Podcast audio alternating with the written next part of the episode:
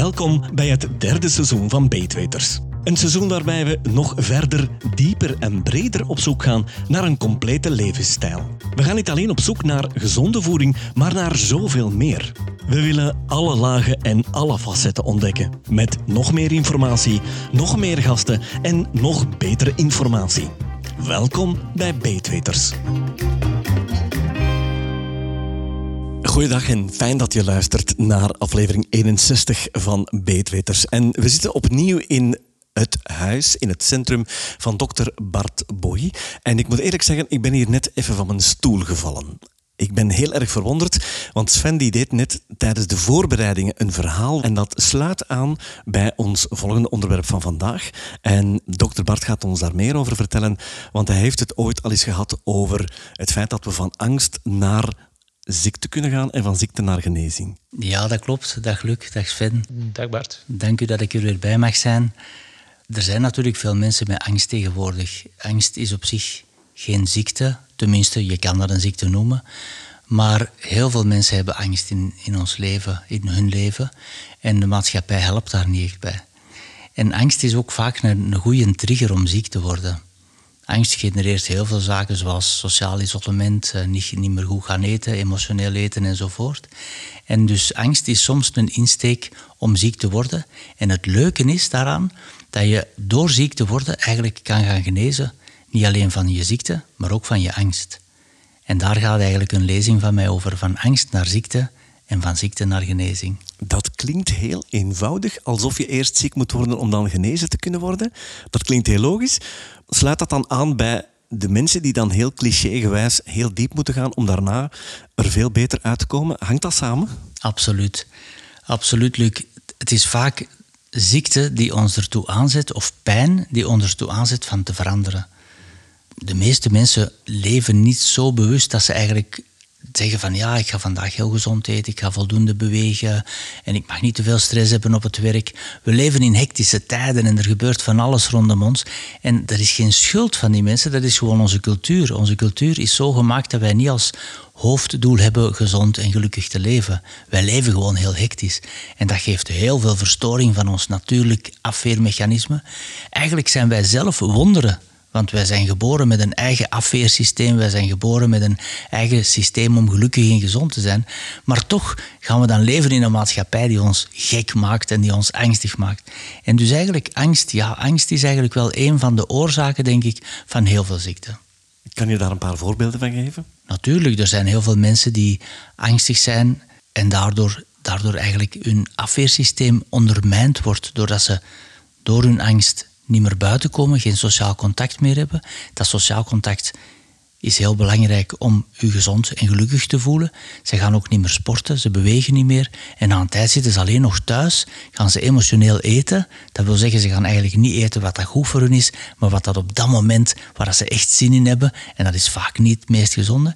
En na een tijd krijgen ze allerlei problemen met hun lichaam. En het is hun lichaam, of ons lichaam, die vertelt van doe daar nu een keer iets aan. En dat is eigenlijk het mooie.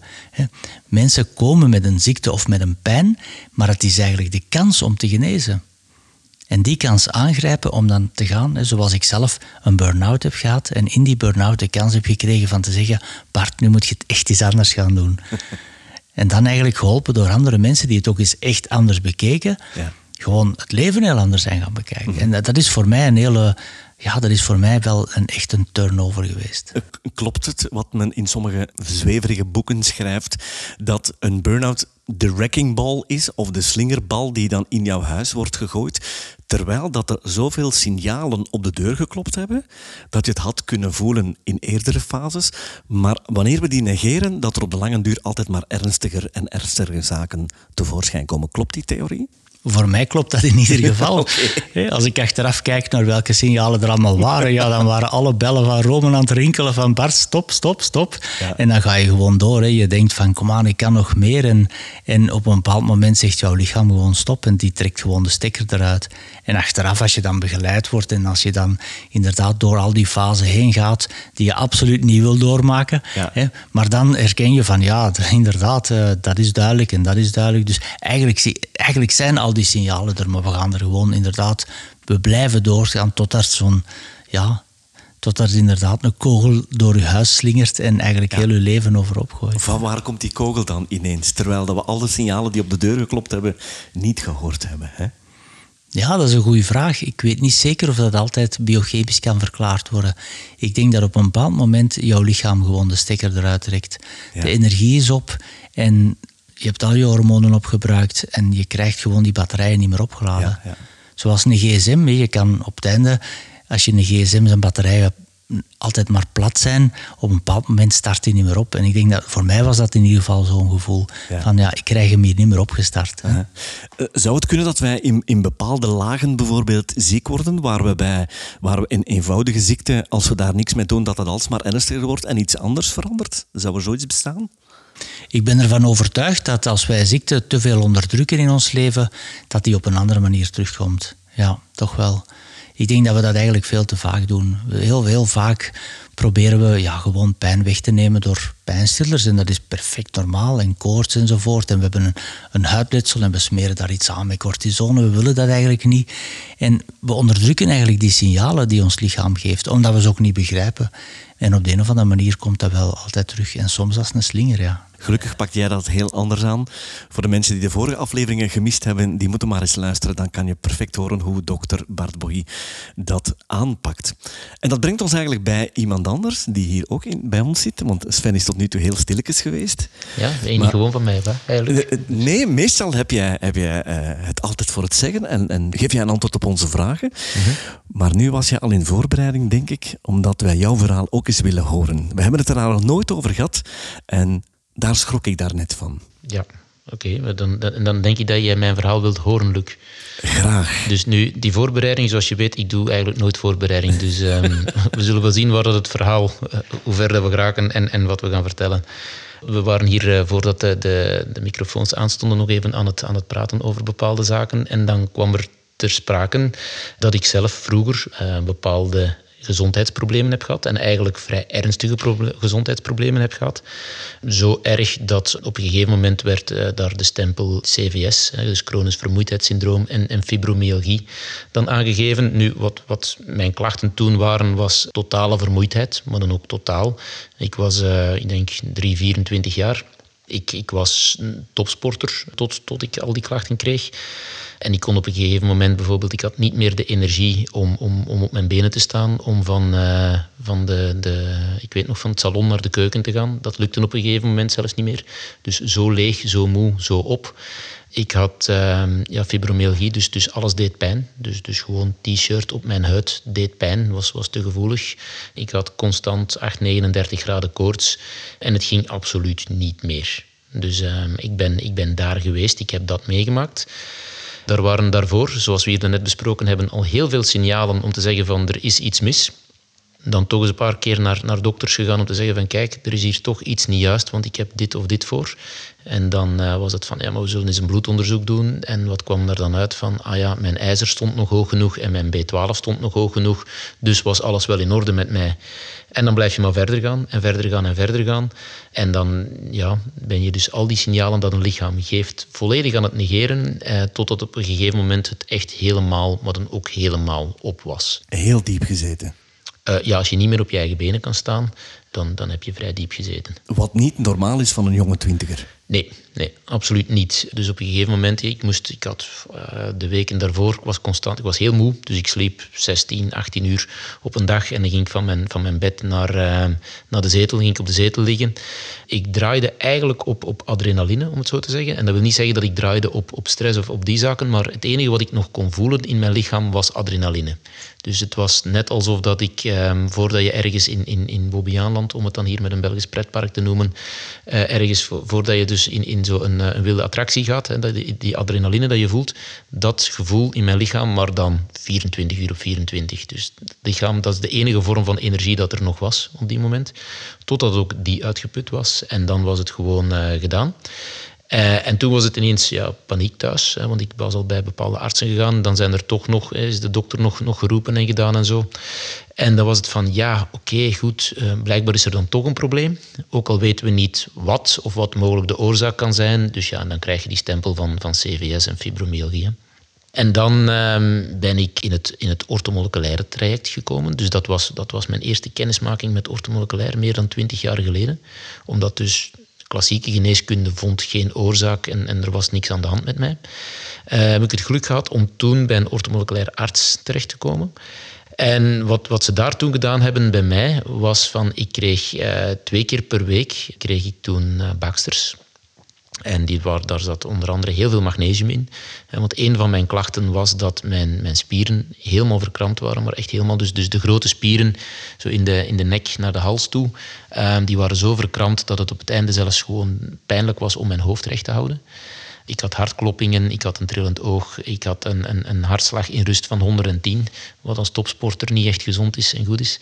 ik kreeg dan ja, twee keer per week Baxters magnesium, daar zaten B-vitaminen bij, daar zat lisomycil uh, zat erbij in. Dus ik, ik kijk naar u, dokter. En na een maandje begon ik mij wel een beetje beter te voelen, in die zin dat ik, dat ik terug op mijn benen kon staan en dat ik terug wat meer energie had en, en dat het allemaal terug wel een beetje beter ging. En dan gingen we van twee keer per week gingen we naar één keer per week aan de Baxter. En dan ging dat naar één keer om de veertien dagen.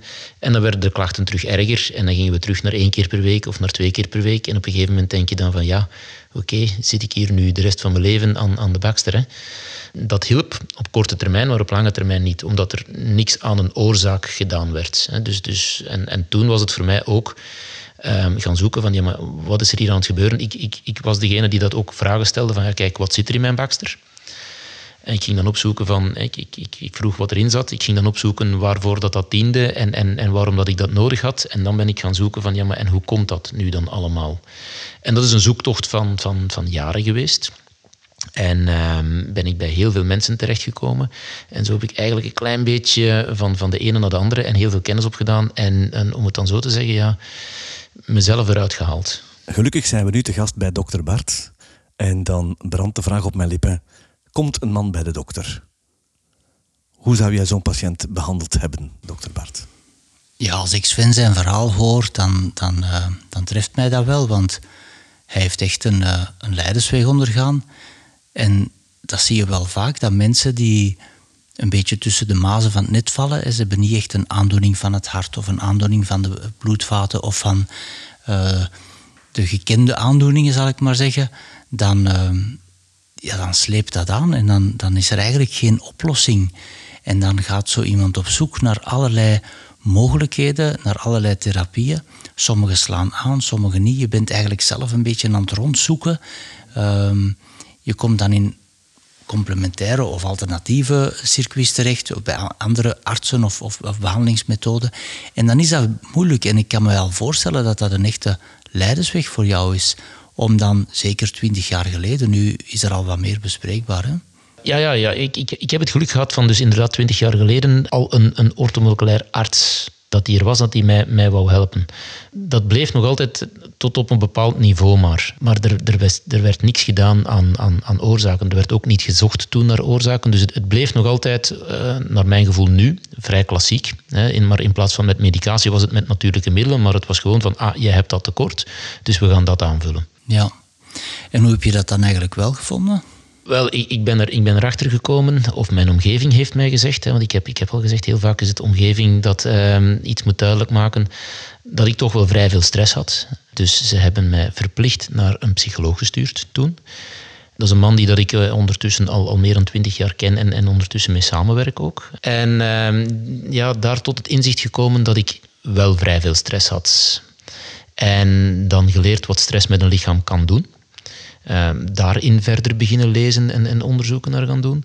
En eigenlijk tot de conclusie gekomen, en, en, en dat is iets wat ik bij nog wel meer mensen zie, die dat ja, gelijkaardige klachten hebben als dat ik had. Hè. Uh, en als we dat dan CVS of fibromyalgie moeten noemen, want ik vind het is gewoon een, een, een naam dat we erop plakken voor bepaalde symptomen waarvoor dat we dan ja, geen oorzaak voor kunnen vinden heel veel mensen snappen niet dat, dat eh, als je mensen vraagt, heb je stress? Dan zeggen ze ja, dat. En dan, dan, dan noemen ze iets dat stress geeft. En bij mij was het in het begin ook zo.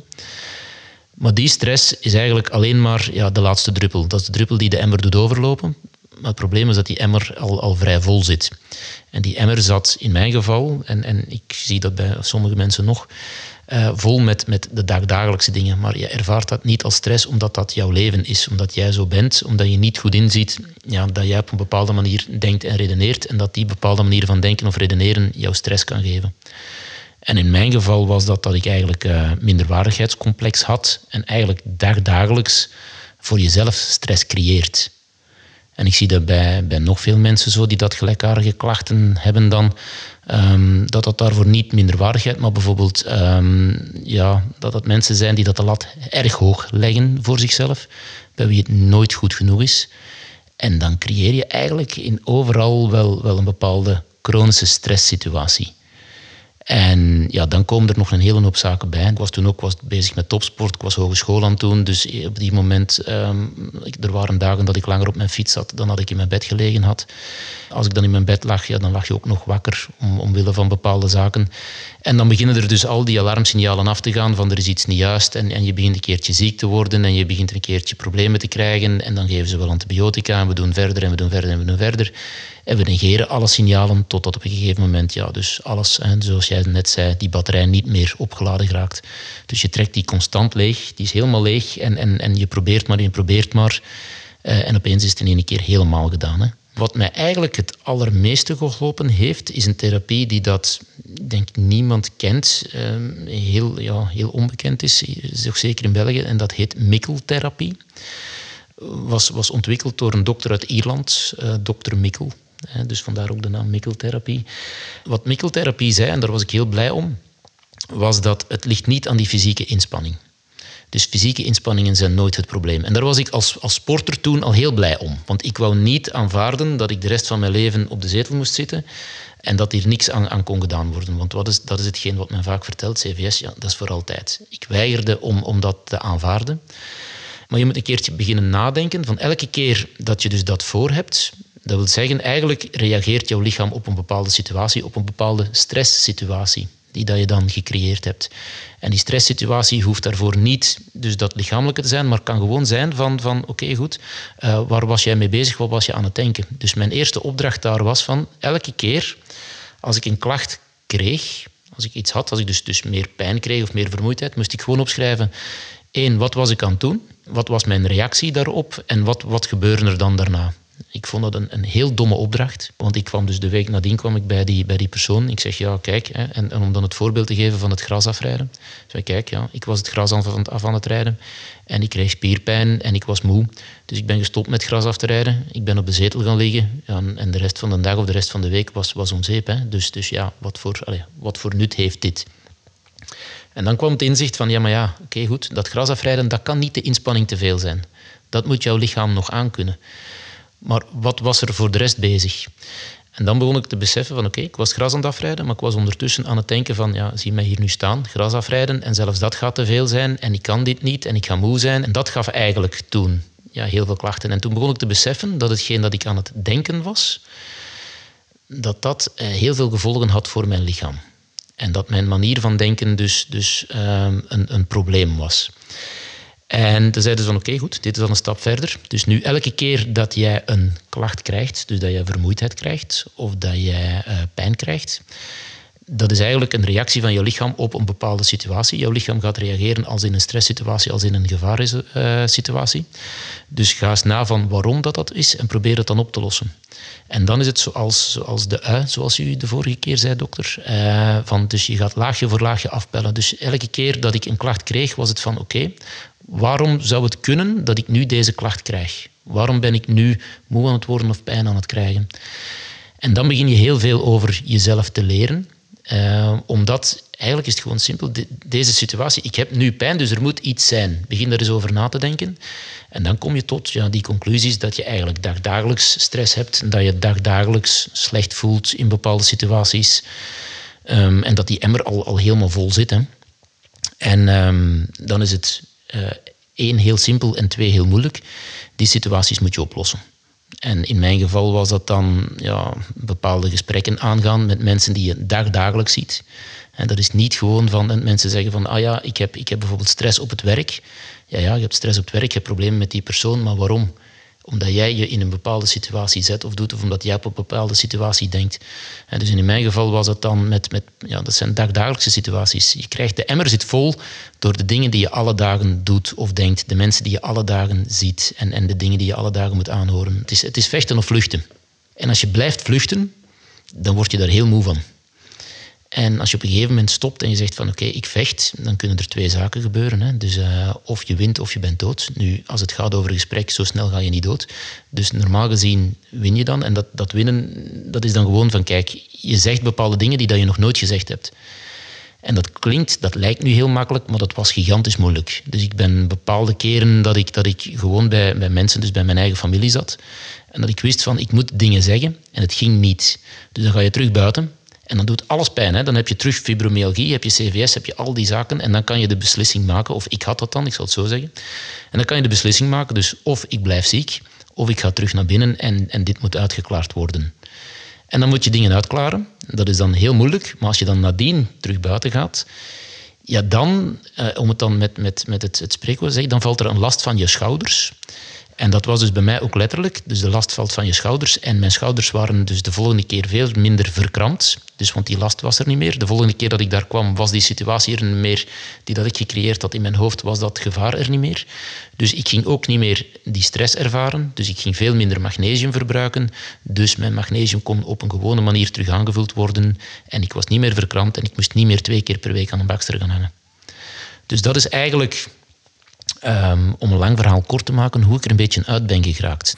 Wel, ik zie natuurlijk mensen met heel veel uiteenlopende klachten, maar jouw getuigenis is zo prachtig voor mij, omdat je eigenlijk heel dat model van structurele zaken, biochemische zaken, emotionele zaken en energetische zaken, en hoe je eigenlijk heel jouw batterij plat was en hoe je eigenlijk zelf voor een groot deel, want je bent een enorme autodidact ook, zelf met, een, met hulp ook natuurlijk, er bent uitgeraakt. Hè. Mhm. Maar heel veel mensen geraken daar niet uit en zitten dan vast en hebben dan nood aan een kader en aan een spiegel om stap voor stap te kijken, wat kunnen we nog doen. Hè. Dus structureel was er eigenlijk niks mis met jou. Jij fietste, jij, jij kon eigenlijk lichamelijk alles.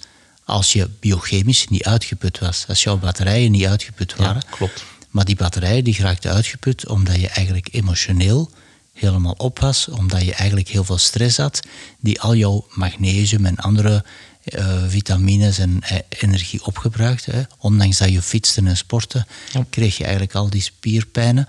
Dus dat emotionele was eigenlijk nog meer oorzaak dan het structurele en nog meer dan het biochemische. Ja, en als je dan naar het energetische gedeelte kijkt, ja, dan is dat eigenlijk vanuit energetisch standpunt een beetje een er was een illusie van gevaar misschien aanwezig, een illusie van ik moet hier iets doen, of een denkwijze waardoor dat je eigenlijk in een soort overdrive kwam. Ja. En dat kostte jou veel energie, dat gaf jou emotionele instabiliteit, dat gaf jou biochemische uitputting en uiteindelijk val je er letterlijk bij neer. Mhm. En je hebt eigenlijk in omgekeerde volgorde gedaan wat ik eigenlijk doe in mijn consultaties. Je hebt eigenlijk begonnen met ik voel mij structureel slecht.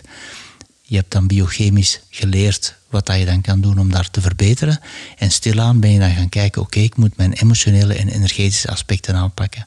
Dus die, heel dat verhaal van jou is eigenlijk prachtig om te zien hoe dat je daar nu, als ik jou nu zie staan ja, of zitten, jij bent eigenlijk een sportieve persoon, jij bruist van energie. Hm? Als ik u zou zeggen, ja, Sven, ik denk dat jij echt uh, vanavond niet terug aan de auto geraakt of met de fiets naar huis dan begin jij gewoon te lachen, want ik zie je zo nog 20 kilometer rijden. Ja, ja klopt. Dus dat is fantastisch. Hè? Jouw verhaal toont eigenlijk hoe alles verbonden is met elkaar.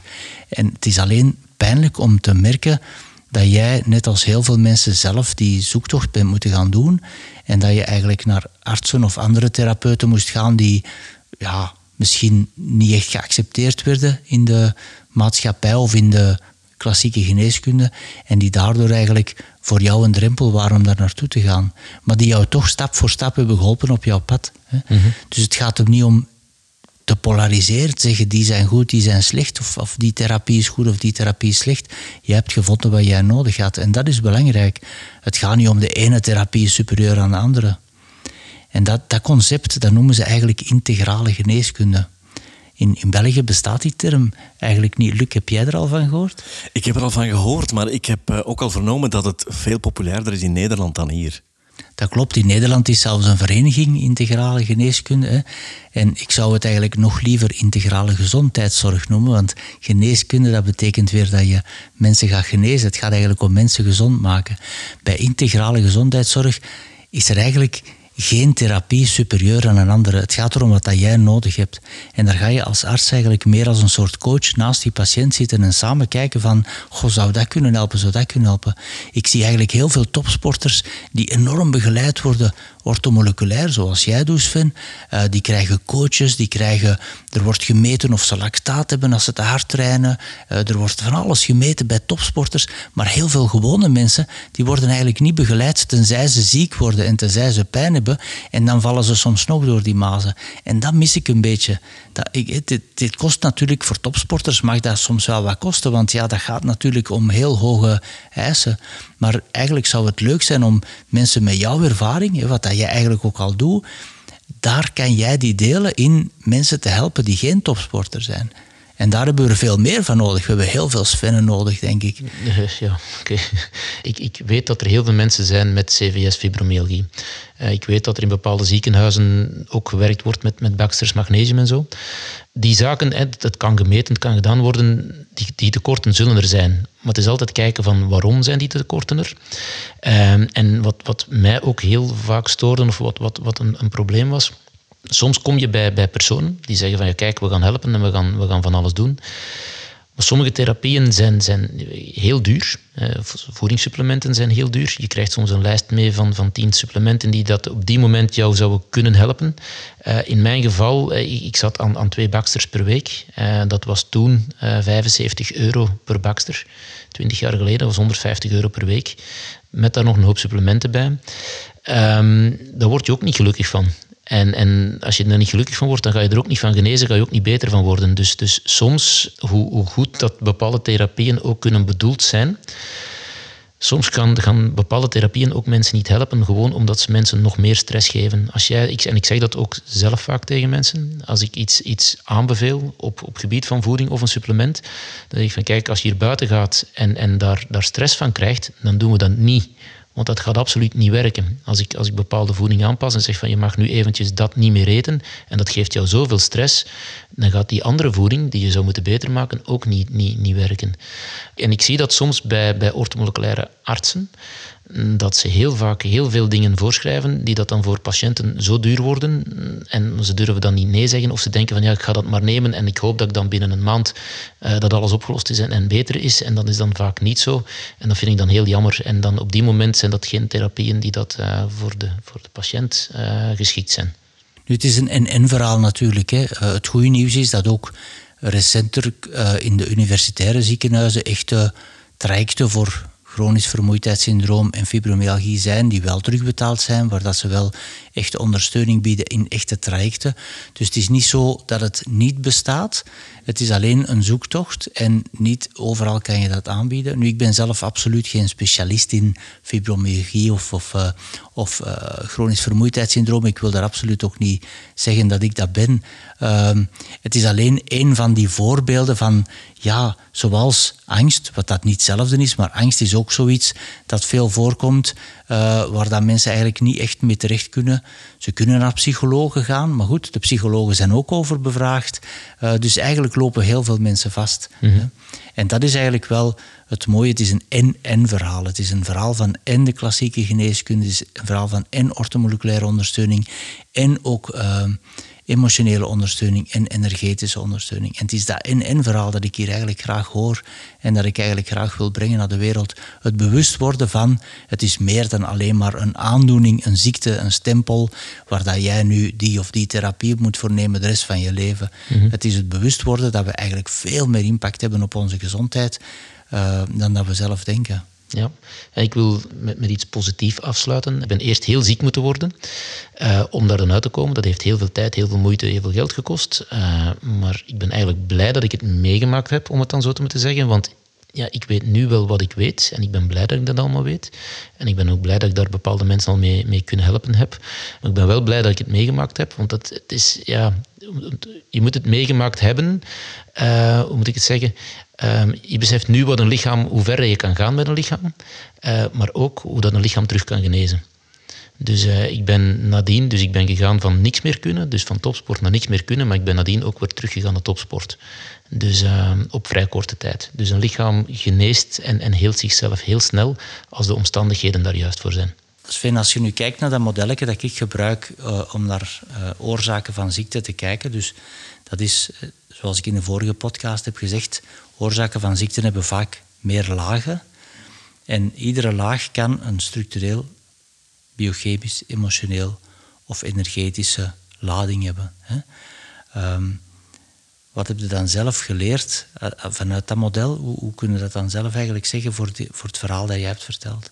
Um, ja, voor mij is duidelijk geworden dat, dat mijn, uh, mijn biochemische problemen, om het dan zo te zeggen, hè, dus, dus, dus, dus alle tekorten die dat dan op een gegeven moment in bepaalde bloedonderzoeken en zo wel naar boven gekomen zijn, Um, ja, de oorzaak was, was, was stress, hè, maar niet op de manier waarvan dat ik dacht dat het stress was. Ik weet nog dat ik bij de psycholoog kwam en dat hij aan mij vroeg van, van oké, wat is er aan de hand?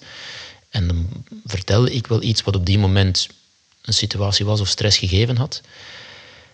Maar dat was gewoon dat ik dacht dat dat een oorzaak was. Uh, maar dat was gewoon de, de, druppel die dat de emmer deed overlopen. Dus ik heb moeten leren dat mijn, mijn emmer helemaal vol zat, dat mijn systeem, ehm, dat er eigenlijk een, een constant, of ja, constant overload, om het dan op zijn Engels te zeggen, was van, van, van heel mijn systeem, van dagdagelijkse dingen. Dus van de manier waarop ik aan het denken was en, en wat ik aan het doen was. Zou het kunnen, Sven, jij bent iemand die heel veel denkt, jij, jij weet heel veel dingen, dat je eigenlijk op dat moment meer dacht, maar minder voelde? Dat je eigenlijk minder in je emoties kon gaan? Nee, ik, heb, ik ben iemand die dat veel voelt. Ik ben eigenlijk een vrij emotioneel iemand, alleen laat het dan niet zien. Um, dus ik, ik, was iemand die dat geen emoties ging, ging uiten. Dus um, alles, bleef, alles bleef binnen. Dus, uh, en dan, dan was het een hele dag of nacht uh, of week, of hoe lang het ook duurt, blijven zaken malen in je hoofd. En kleine dingen worden grote dingen en alles stapelt op. Um, en dan beginnen er alarmsignalen af te gaan in je lichaam, zoals ik zei. En dan als je die gaat negeren. Dus wat ik heb moeten leren is van oké, okay, dus, dus mijn klachten kwamen van een bepaalde emotie. Die emotie kwam van een bepaalde gedachte.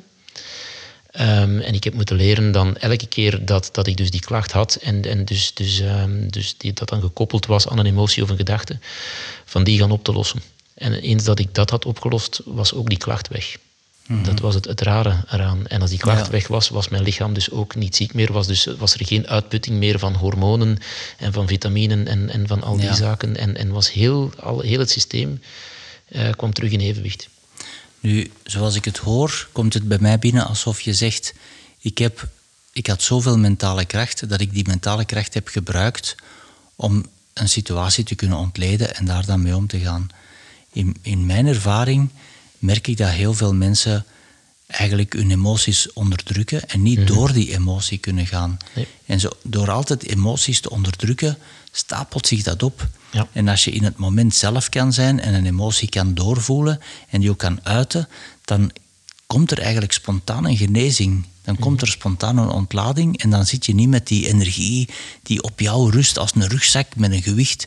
En dan raak je niet zo snel uitgeput, want je kan even door die emotie gaan, je kan dat uiten. Je kan zeggen van, goh, weet je, wat je nu hebt gedaan, dat, dat raakt mij wel, daar heb ik pijn van. Natuurlijk dat is iets dat we in het dagelijks leven ook niet zo gemakkelijk kunnen doen. Hè, op een bedrijf, op, uh, zo van zeggen, zeg, uh, wat je nu hebt gezegd, dat raakt mij wel. Maar eigenlijk is dat wel de manier hè, dat je kunt je emoties voelen, dicht bij je emoties zijn, zodanig dat dat niet overgeladen wordt. Zoals gezegd, dat blijft een hele nacht uh, kouwen. Mm Ja, ons lichaam vertelt ons constant iets. We zijn volgens mij vergeten of we weten niet van hoe dat we daarnaar moeten luisteren. Dus die lampjes, die signalen, die gaan constant af om te zeggen van er is iets mis. En als dat in uw auto gebeurt, dan rijd je direct naar de garage, want dan weet je van als ik nu niet ga, dan gaat het een stuk. En dat wil ik niet. En als dat gaat over ons lichaam, dan zijn wij getraind om dat volledig te negeren.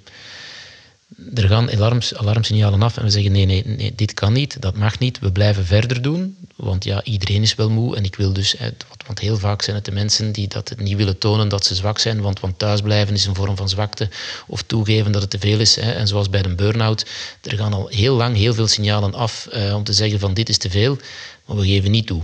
En het is tegenwoordig stoer en moden om te zeggen van we hebben zoveel dagen achter elkaar gewerkt en een werkdag van zoveel uur en, en nog zoveel mails te beantwoorden en we gaan tegen elkaar op. En eigenlijk is dat volledig verkeerd. Um, maar het is een, schande om, om te zeggen van ah, ik heb uh, een maand vakantie gehad en ik heb binnenkort nog eens twee weken. Dan zeg je oei, wat voor een luierik is dat? Dus dat, dat kan niet, dat mag niet. We moeten ons een hoop werkdruk en, en, en last op ons schouders. En ja, dat gaat dan. En daar, daar krijgen we dan problemen mee. Ja, het lijkt er ook op dat ik, als ik dat verhaal zo hoor, dat ik tijdens uh, of voor mijn burn-out met mijn auto, een topauto, toch veel naar de garagist ben geweest omdat er lampjes knipperden. Maar dat ik eigenlijk vooral vroeg, al die lampjes die knipperen er maar gewoon uit. Ja, ja. Dus uh, die rijdt nog wel. Maar ja, dat is, dat is soms ook een beetje wat, wat dan in geneeskunde gebeurt. Van, uh, we gaan daar naartoe, naar, naar een dokter, om te zeggen van dit lampje knippert. En uh, wat doen we dan? Ah, dan zullen we ervoor zorgen dat we dat lampje eruit halen. Of dat dat, hè, dan plakken we er iets over, dan knippert dat niet meer, dan kan je verder rijden. Hè. Terwijl dat, dat een signaal was om te zeggen van oké, waarom knippert dit? Dan moeten we dat gaan maken of we moeten iets gaan doen, want anders is het binnenkort allemaal stuk. Dus moraal van het verhaal is vooral naar onszelf luisteren. Ja, en vooral naar onszelf luisteren. Er is maar één iemand um, dat weet dat er iets mis is of iets aan de hand is en dat ben jij. En ik ben heel vaak bij artsen geweest um, met de boodschap van kijk, ik denk dat er iets mis is. En dat artsen mij vertelden van na een bloedonderzoek, na een gewoon bloedonderzoek, nee, wij zien niks, dus er is niks mis met u. Dan denk je van, nou ja, oké, goed, er is niks mis met mij, ik, ik beeld het mij maar in, dus we gaan maar verder. Totdat het heel erg mis was. Toen vonden ze nog altijd niks, maar toen was het wel heel erg mis. Hè. Dus uh, ja. de boodschap is misschien, er is maar één iemand dat het weet en dat ben jij. Dus luister inderdaad naar je lichaam. En dan zeggen die artsen soms nog zo'n dooddoener van het zit tussen uw oren. Dat heb ik vandaag nog gehoord van een patiënt die zei... Ja, ze zeggen tegen mij, het zit tussen mijn oren. Ik zeg, ja, dat is waar. Maar niet alleen daar, het zit in heel uw lichaam. Ja, ja. Dus het, is... het, het, begint soms tussen je oren, hè, maar dan gaat het daarna verspreid naar de rest van het ja, lichaam. Het is dus waar dat begonnen is, maakt op zich niet uit. Het gaat erom dat je eruit geraakt. Hè. Het gaat erom dat je, dat je leert luisteren. En, dat, uh, en daar, hebben we soms, daar hebben we elkaar voor nodig. Hè. Daar hebben we niet altijd een dokter voor nodig. Hè. We hebben gewoon mensen voor nodig die kunnen luisteren, die signalen geven, die eerlijk zijn. Mm -hmm die eerlijk zijn en die kwetsbaar kunnen zijn, of zelf u kwetsbaar durven opstellen. Ik denk dat dat heel belangrijk is in onze maatschappij, dat we durven uitkomen voor hetgeen wat we voelen en dat we ons daar niet goed bij voelen en dat, dat, dan, dat we ons daar niet schuldig over voelen. Ik denk dat dat belangrijk is. Ik denk ook als er iemand komt, bij, bij een arts dan, om het dan zo te zeggen, eh, bij jou, maar, maar, jij werkt al uh, anders dokters, hè, dus, uh, en die zegt van ja kijk, ik voel me niet goed, en je doet een bloedonderzoek en daar komt niks uit, ja, dan weet je al waar het niet zit. In plaats van te zeggen er is niks aan de hand, dan zeg je van oké, daar zit het niet, dus moeten we ergens anders gaan zoeken. Het is een andere manier van kijken. Het is geen nieuwe manier hoor. Het is, uh, het is absoluut geen nieuwe. Eigenlijk is het een heel oude manier. Hippocrates keek zowel en uh, de oude Chinezen, de Chinese geneeskunde is ook gegroeid vanuit een filosofie van er moet een balans zijn tussen al onze energie. Je sprak daar net over de lever en de maag. In de Chinese geneeskunde wordt er gesproken over de energie van de longen en de energie van de lever en de maag en de dikke darm en de dunne darm. En dat komt in ons taalgebruik ook. Dus luisteren naar ons lichaam is eigenlijk op zijn Vlaams gezegd nog het beste. Je moet daar geen Chinees voor kunnen, denk ik. nee, inderdaad. Wat fijn dat we dit allemaal de wereld kunnen insturen. Hè? Ja, het is echt fantastisch. Hè? Ik, ik ben eigenlijk benieuwd welke reacties we op deze podcast gaan krijgen. Want het is, het is eventjes helemaal anders. We hebben eventjes een andere weg ingeslagen. Er is uh, nog niet veel over, over voeding uh, gezegd in de laatste twee afleveringen, denk ik. Maar ik ben toch benieuwd welke reacties we nu gaan krijgen. Ja, maar anderzijds vond ik het heel fijn om hier een beetje aan de zijlijn te zitten luisteren. In de vorige aflevering naar de introductie van dokter Bart. Nu heb ik jou van een andere kant leren kennen, eh, Sven. Want ik zou er echt mijn hand voor in het vuur gestoken hebben dat dit een mentaal probleem geweest zou zijn van jou. Ik zou er echt geld op gezet hebben dat jij dit met voeding zou opgelost hebben. Maar dat is helemaal niet waar. Het verhaal zit heel anders in elkaar. Ja, of omgekeerd moet, in elkaar. Ik moet zeggen, ik heb ook wel voeding aangepast. Hè. Dus op die moment um, bestond mijn voeding uit 3 liter iced tea op een dag. Maar dat is ook omdat uh, een van de zaken dat gebeurt, en dat probeer ik ook aan, aan, mensen te vertellen, als je heel veel stress hebt, ja, dan draai je op koolhydraten, dan draai je op suiker. Ja. Dus ik draai, mijn lichaam draaide op suiker, daar ging 3, 4 liter iced tea door op een dag. Als ik s morgens geen half liter of een liter iced tea dronk, dan, dan werd ik niet meer wakker, ja. om het zo te zeggen. Um, dus ja, mijn voeding was, was volledig verkeerd. Hè. Dus, dus, um, maar op die moment ja, was dat hetgeen dat, dat mijn lichaam, ja, ik ga zeggen, nodig had. Eigenlijk niet. Er, er, waren gezondere alternatieven, maar ik wist toen niet beter. Dus, maar ik heb voeding ook moeten aanpassen. Hè. Dus ja. het, is, uh, het is niet alleen... Um, ja, het, het, is een combinatie van alles. Hè. Het is, het is uh, gezonde voeding. Um, en, en, en uh, een gezonde, uh, gezonde geest, om het dan zo te zeggen, zorgt voor een gezond lichaam. Dat mag je nog, nog uh, ja, hoe moet ik het zeggen, gelukkig en, zijn en, en, en, en voor de rest alles voor elkaar hebben. Als je leeft op pizza's en hamburgers en dan de drie liter iced tea die dat ik aan het doen was, dan ga je op een gegeven moment ook nog wel in de problemen komen, denk ik. Maar een fantastisch verhaal. Dank je om dat te delen. Wel, graag gedaan. Absoluut. Ik zou er van mijn kant ook nog willen aan toevoegen, Sven, dat ik het wonderbaarlijk vind dat jij zo diep hebt gezeten en dat jij de dag van vandaag toch wel als een voedingsexpert wordt bekeken op het uh, ortomoleculaire niveau, waar mensen van hende en ver voor naar jou komen en waar heel de wereld iets aan heeft. Daar getuigen die duizenden luisteraars van. En ik vind het moedig en schitterend dat jij dit met ons hebt willen delen. Dank u wel daarvoor. Graag gedaan. Wil jij op de hoogte blijven van elke Beetweters aflevering? Schrijf je dan in op onze gratis nieuwsbrief via beetweters.be of volg ons op Instagram. Of stuur ons een mail via hallo.beetweters.be.